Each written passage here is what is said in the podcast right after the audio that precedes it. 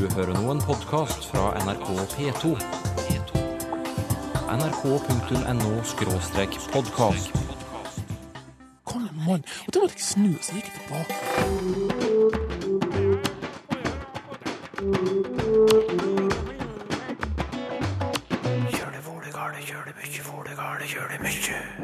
Nå må du ta den oppvasken før jeg kommer hjem. Og han har jo ikke gjort det. Nei, for må betyr ikke det samme på norsk som på dansk. Det er faktisk til en forandring, hadde jeg nær sagt. Dansk, som her er det mest opprinnelige. Jernbanetorget, men Stortorvet. Hvorfor både torg og torv i samme by? Det kan kanskje ha med at kompetansen ikke alltid er på topp eh, i kommunene når, når de skal vedta gatenavn, adressenavn og skrivemåter. Oi, har du med deg niste nistesylfestlomme? Hva har du? Tossede salater. Tossede? Eh, ikke noe annet enn det. Nei, det, det betyr jo gal på dansk. Gale salater. I det store utland brukes det flittig sånne uttrykk. Den salaten kommer vi tilbake til mot slutten. Det med å må og skal, det er jo Der er virkelig ekteskapet kommer på prøve mange ganger. Ja, enn at et lite ord som må kan skape trøbbel. I Språkteigen forrige gang møtte du norske Hanne Berger, som er gift med en danske og bor i Danmark. Hanne har erfart at verbet må slett ikke betyr det samme i norsk som i dansk. For jeg har jo sagt til Jimmy at eh, nå må du ta den oppvasken før jeg kommer hjem. Eller nå må du gå ut og vaske bilen, eller nå må du dra og hente ungene. Og han har jo ikke gjort. Så når jeg kommer hjem, så har han jo verken henta ungene eller tatt oppvasken eller vaska bilen. Så sier jeg hvorfor har du ikke gjort det? Ja, men du sa jo jeg måtte, at jeg, at jeg, må, at jeg må. Ja, og det betyr jo på norsk at da gjør du det, altså. Nå har jeg bestemt at nå må du gjøre det her. Men da skal man si på dans, da skal man si skal. Du skal ta oppvasken, du skal eh, vaske biler, du skal hente ungene. Og det, det styrer vi faktisk litt med ennå, altså. Og det er etter eh, 18 år i dette land. Sa Hanne Berger. Og flere av lytterne har merket seg det samme. Både Knut Hegne og Dag Vollebekk ber oss om å kommentere det modale hjelpeverbet å måtte. At det har ulik betydning i norsk og dansk. Og det skal du hjelpe oss med, Arne Torp, pensjonert språkprofessor. Hva kan du fortelle om bakgrunnen til verbet å måtte? Det er faktisk til en forandring, hadde jeg nær sagt. Dansk, som her er det mest opprinnelige.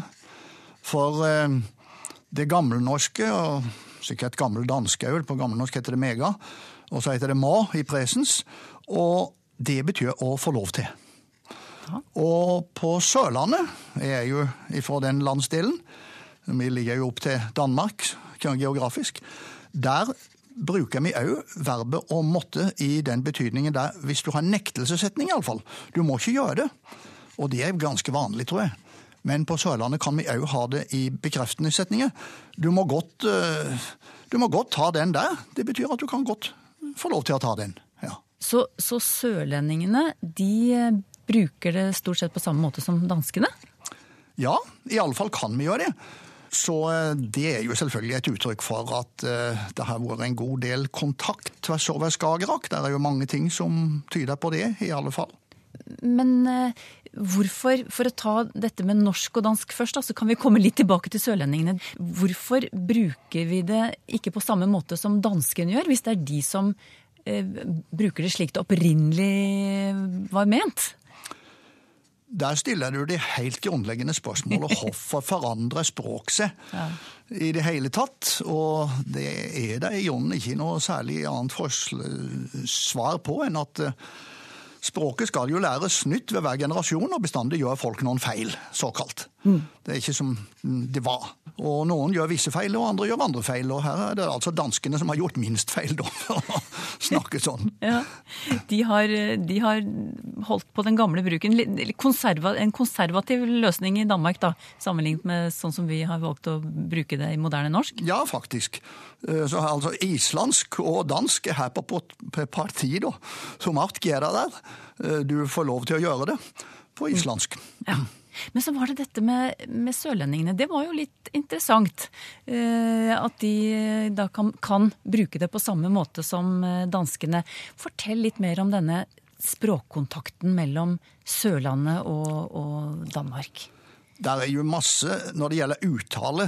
Alle kjenner til de blaute konsonantene og sånn nå, som jo har tatt veldig av i dansk, sånn at dansk er blitt nesten ubegripelig. For det er ikke bare sånn at PTK er blitt til BDG, men det er blitt til nesten ingenting etter hvert. Men det er faktisk òg sånne forbindelser som ligner på dette her med eh, betydninga på måtte osv. Og, så og et, eh, noe som slår med der, er navnet på eh, sånn kvittbrød. Ja. Altså sånn som er bakt på sikta kveitemjøl. ja. I de fleste språk i Europa så heter det rett og slett kvittbrød. Det heter weissbrot på tysk og uh, white bread på engelsk faktisk òg, da. ja. Men i Skandinavia heter det vanligvis ikke det. Loff, sier vi da. Ja, det gjør islendingene, nei, for lands, det gjør østlendingene. De sier loff, og det er veldig provinsielt, for å si det sånn. Det vanlige i Skandinavia er ellers å kalle det for fransk brød. Ja.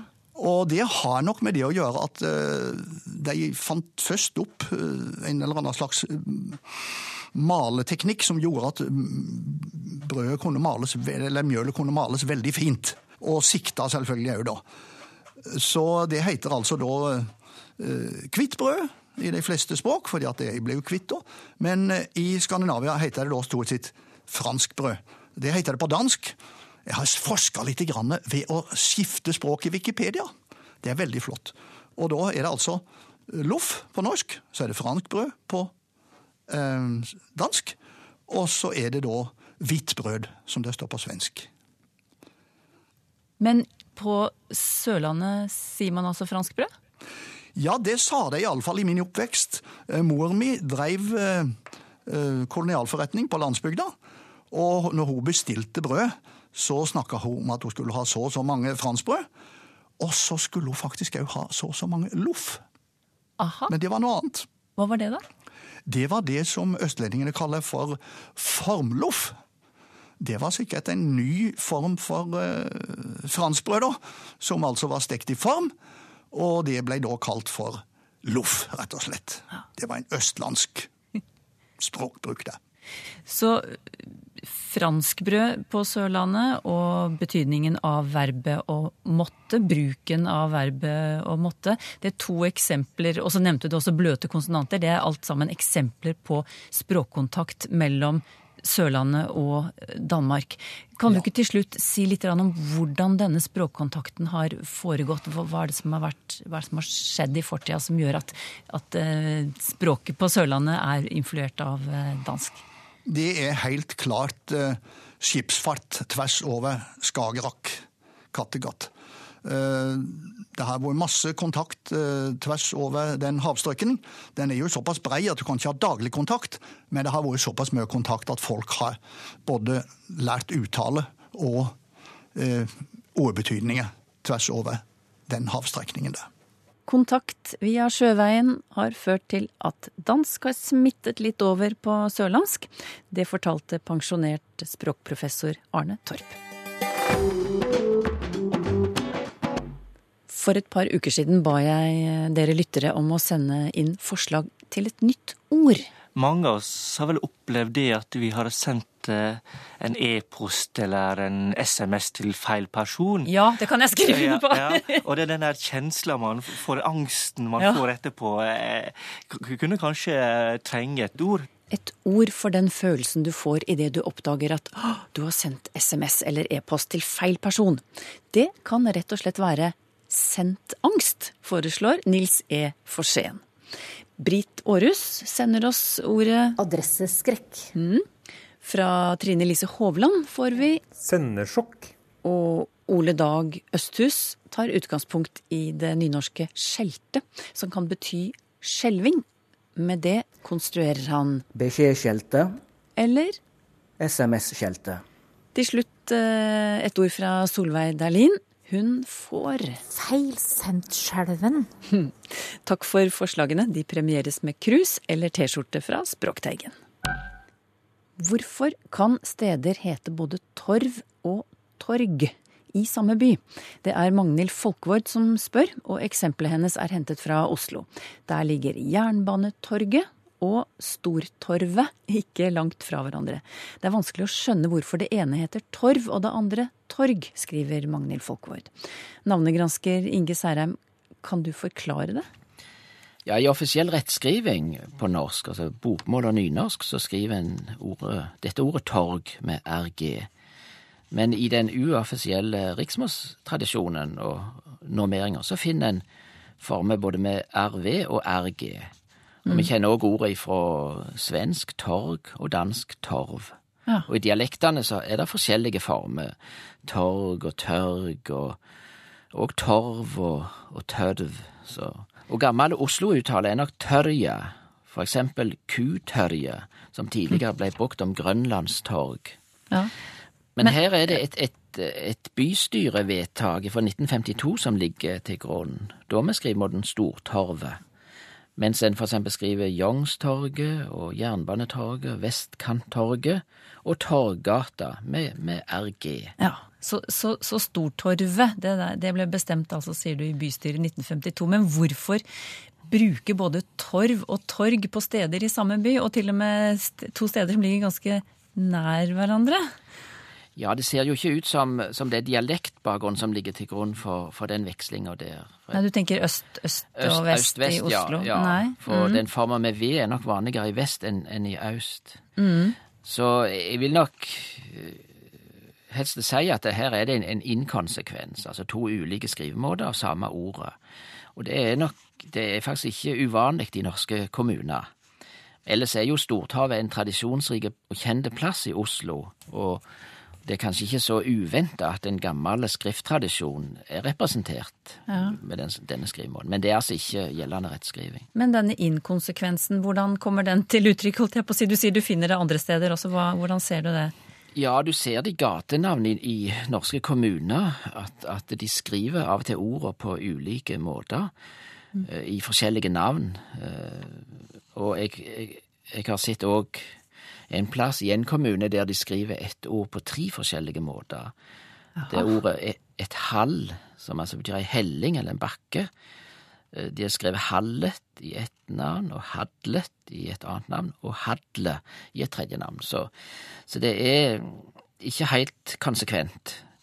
Mm. Og det kan kanskje ha med at, eh, at kompetansen ikke alltid er så er på topp eh, i kommunene når, når de skal vedta skrive, skrivemål, gatenavn, adressenavn og skrivemåter, og at en ikke kjenner godt nok til, til regelverket på det området. Mm. Det er kanskje rart at noen ikke protesterer, da? Noen som faktisk vet litt mer om dette her? Jo, det blir, det blir protestert Ja. på, på slike ting, og det, det blir Det er klageordning for, for eh, denne type navn, og for, for norske stadnavn i offisiell bruk generelt. Ja. Men blir det gjort noe med det? Ja, det, det gjør nok det. Altså når, når det blir klagt, så, så blir det gjort et vedtak. Og, Ja. og da, da skal det rettes opp. Ja. Men Stortorvet, det, det forstår? Ja, nå, nå har det vært et prosjekt i Oslo fra 2008 til 2011 der en eh, arbeider for å se nærmere på skrivemåtene og få mer konsekvens i skrivemåtene av eh, adressenavn, gatenavn og veinavn. Og det ble òg lagt eh, et framlegg til en, en ny instruks for kommunal navnsetting i Oslo. Men så vidt jeg vet, så er ikke den vedtatt ennå. Ja. Og det er òg sånn at en eh, i noen kommuner, litt større byer, delegerer denne type spørsmål til bydelsutvalg. Og da, hvis en da ikke trekker inn eh, kompetanse, faglig kompetanse, så, så blir det ikke så lett å, å få konsekvens i dette, inn på dette feltet. Og, og navnet Stortorvet, det forstår jeg finner vi andre steder i landet også. Det er ikke unikt for Oslo? Nei, jeg, jeg har funnet det som adressenavn i, i en annen by, i Fredrikstad. Mens en finner Stortorget flere plasser, for eksempel Hamar og Lillehammer og Tromsø. Jaha. Så, så torget andre steder, unntatt i Fredrikstad, der er det Stortorvet? Ja, det, det fant, det fant jeg som et adressenavn i, Ja. i det sentrale Stanan-registeret. En alliert der, altså. Ja. Men du, for å komme tilbake til utgangspunktet til slutt, ordet torg. Eh, Du har ikke fortalt oss om bakgrunnen til det ordet, kanskje vi skal runde av med det? Ja, det er et eh, Det er brukt i, i gammelnorsk om en, et torg, en handels- og markedsplass. Og det er et låneord ifra slaviske språk, kanskje ifra gammelrussisk. Så ordet har antagelig kommet via Finland og Sverige. Sa navnegransker Inge Særheim ved Universitetet i Stavanger. Ja, det tror vi vi Ja, Ja, ja. God stemning i studio under Språkteigens skandinaviske spesialsending for en uke siden. Noe som skapte latter både i studio og hos flere av lytterne, var da språkprofessor Jørn Lund skulle forsøke å parodiere norsk. Så her er han igjen, til glede for nye lyttere, som det heter. Men det vi hefter oss ved, det er øst-nordmenns livlige tonebevægelser. Øh, De virker ofte som om de er mer passionerede og mer i affekt. Det gælder ikke folk fra Vestlandet i Norge. Øh, Sydkysten er noe litt spesielt. Men øh, jeg kan huske en gang, øh, jeg kom til Norge, og så kom der en person og spurte meg om veien til Nationalteatret. Øh, På dansk ville det ha lyttet, øh, kan du sige mig vejen til Nationalteatret? Men på norsk der bliver det noget i retning af, og nu kommer der en karikatur. Kan du sige mig vejen til Nationalteatret? Altså Ja. endte helt, helt oppe i spidsen. Nationalteatret? Og som om det var et spørgsmål om liv eller død. Du troede, det var hospitalet. Ja, ja det, det kunne være sånn. sådan noget. Og, og jeg ble blev helt, helt, helt nervøs af det. Men Ja, det var ja, ja. bare norsk. Det var bare norsk, og det var østnorsk. Norsk setningsmelodi kan gjøre dansker rent nervøse. Iallfall språkprofessor Jørn Lund. Ja, For en uke siden stilte altså lytterne spørsmål om alle de tre skandinaviske språkene, men i dag nøyer vi oss med norsk, Sylfest Lomheim. Og først et brev fra Emil Danielsen. Han lurer på om det er noen sammenheng mellom verbet å skape og substantivet landskap. Og hva med ordet skap, spør han også. Ja, og når han spør om det siste, hva med ordet skap, så tipper jeg han da tenker på det som står i stova, et, et skap eller et skåp. Og det ordet har ikke noe med å skape eller landskap å gjøre, det kan vi slå fast. For det siste tilfellet, når det gjelder det som står i stova, så er det lånt fra tysk, og eh, betyr egentlig det som er forma eller utskåret på tysk. Det kan være et fjernsamband lenger tilbake, men det får vi late ligge her og nå. Men når det gjelder verbet å skape, det vil si å, å få noe til å være, til å eksistere, altså å være, og landskap, så er det absolutt en sammenheng, enda det høres eh, noe rart. Fordi at landskap, det er Vi kan ha ekteskap og vennskap og kameratskap og svangerskap og landskap. Skap i alle disse orda har meininga noe som er til, som har en væremåte, altså en tilstand. Så et ekteskap er en tilstand av noe som ekte. Vennskap er en tilstand av det å være venner. Og svangerskap er en tilstand, en væremåte, der du er svanger. Og eh, siden nøkkelen i skap i disse orda er en væremåte, en tilstand, så skjønner vi òg at å skape, verbet å skape, som jo nettopp er å få noe til å eksistere, eller å være, så skjønner vi at her må det være et samband. Henrik Andersgaard reagerte på et uttrykk han fant i en meny. Tossede salater. Han sendte en e-post til restaurantkjeden og spurte hvorfor de ikke bare kunne kalle det blandede salater, for det er vel noe sånt det betyr. Og så fikk han et svar eh, der det annet står Vi har valgt å bruke dette begrepet da det er et godt etablert uttrykk i det store utlandet. På lignende konsepter og salaterier i f.eks. England og USA brukes det flittig som et uttrykk som beskriver prosessen med å blande, riste, vende lett på salaten i en bolle sammen med dressing. Uh, ja, Sylfes Lomheim, hva syns du om begrunnelsen? Den syns jeg er svak. Uh, og jeg syns at han som har reagert på dette, har min fulle sympati. Fordi at å kalle dette tossede salater eh, Vi kjenner jo det danske uttrykket tossede, da er det tullete, og dette er virkelig tullete. Fordi de bruker som argument at i for eksempel England og USA, i det store utland, brukes det flittig sånne uttrykk. Ja, men det er jo ikke noe grunn til å gå til engelsk. Hvis de virkelig skal gå til de landa som har gitt oss salattradisjon, så er det jo verken England eller USA, det er jo Italia og Frankrike. Og på fransk heter dette tournela salade eller melange la salade, men på norsk bør vi jo bare snakke om blanda eller snu eller vende salaten. Ikke noe annet enn det. Alf Moxnes synger tenor i et kor. Og han forteller at koret har tatt for seg Garborg og Oskar Borgs vakre nasjonalsang Gud signe Norges land. Og så er det vers to da, som slutter med strofen Rett som eit gudeslott med solskinnskjeld. Hva slags kjell er dette, vil Alf Moxnes vite. Og da er det første å si at eh, kjeld, som er et ord mange vil kjenne, er samme ordet som telt. Altså telt og kjeld er samme ord. Det betyr altså et, et dekke, et uh, stykke som vi legger over uh, for å oppholde oss under. Og utgangspunktet er visstnok at dette skal være et ord for dyrehud, altså, og da skjønner vi at i riktig gammel tid så var tjeld eller telt skinn fra dyr, altså dyrehuer som de hadde til, til tak når de skulle sette opp en plass for å sove i utmarka, eller hva det nå var. Når det gjelder det som Garborg skriver, rett som et gudeslott med solskinnstjeld.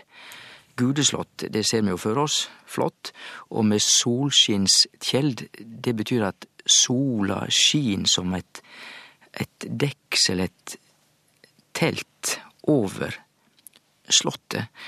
Og da får vi jo si at vi må strekke fantasien litt for å se det for oss, men det høres jo iallfall ganske fint ut som en solnedgang, i alle fall.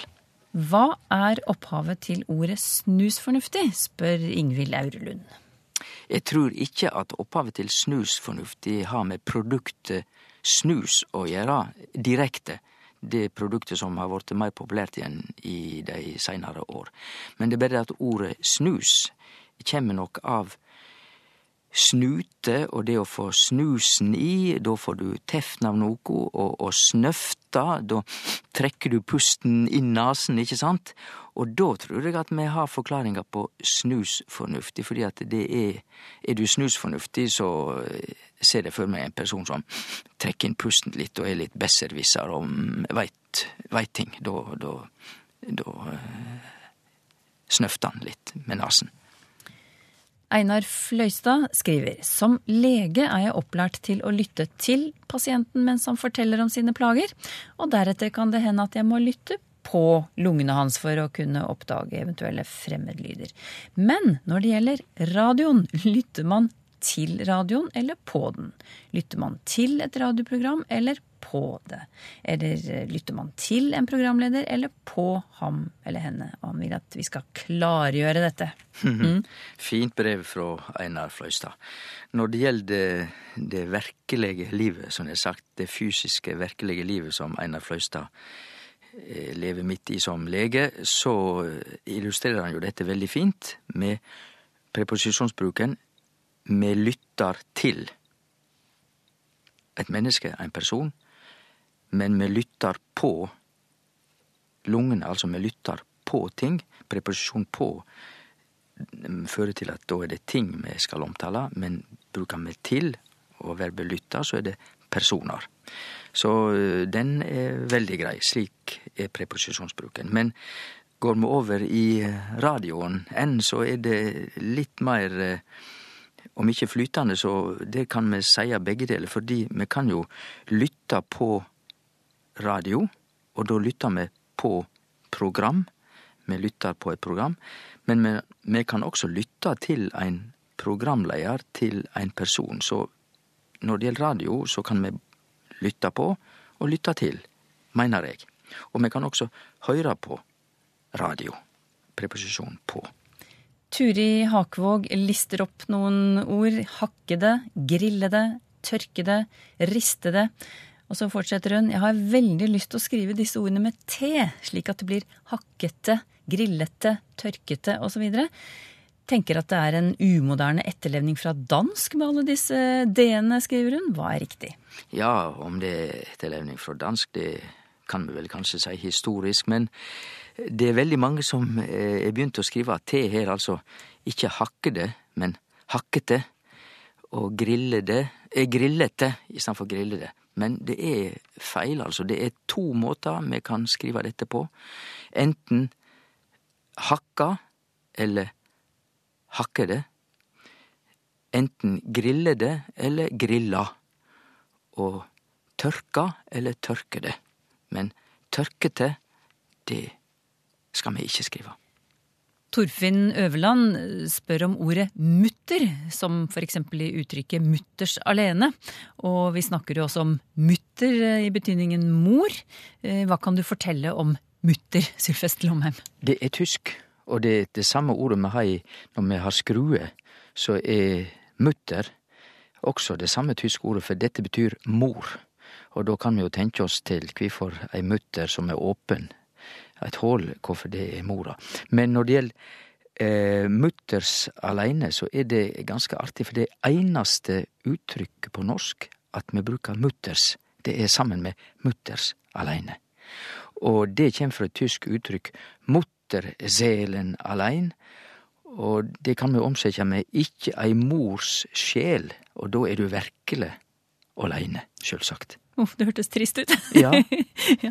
Du, du, jeg legger til, han, han, spør på slutten av brevet her, han Torfinn Øverland, om ordet mutt, altså det å være sur eller molefonken, om det har noe med mutter å Nei, gjøre? det har ingenting med det tyske mutter å gjøre. Det er jo et adjektiv, og det går litt på munnuttrykket, og at ikke du Ja, du ser ikke glad ut. Har du spørsmål til Språkteigen? Skriv til Teigen, krøllalfa nrk.no, eller til Språkteigen, NRK P2, 7005, Trondheim. Så finner du oss også på Twitter og på Facebook. Å belønne noen for å velge nynorsk og straffe andre for å velge bokmål, det er en form for tvang. og jeg tror på en måte... Vi krangler stadig om språk her i landet. Hvis du, hvis du heller vil at en skal sette ned alle bokmålsbrukerne i en karakter i norsk, så vær så god, men jeg tror ikke Hvordan ble det sånn? Tilbakeblikk på norsk språkstrid om en uke.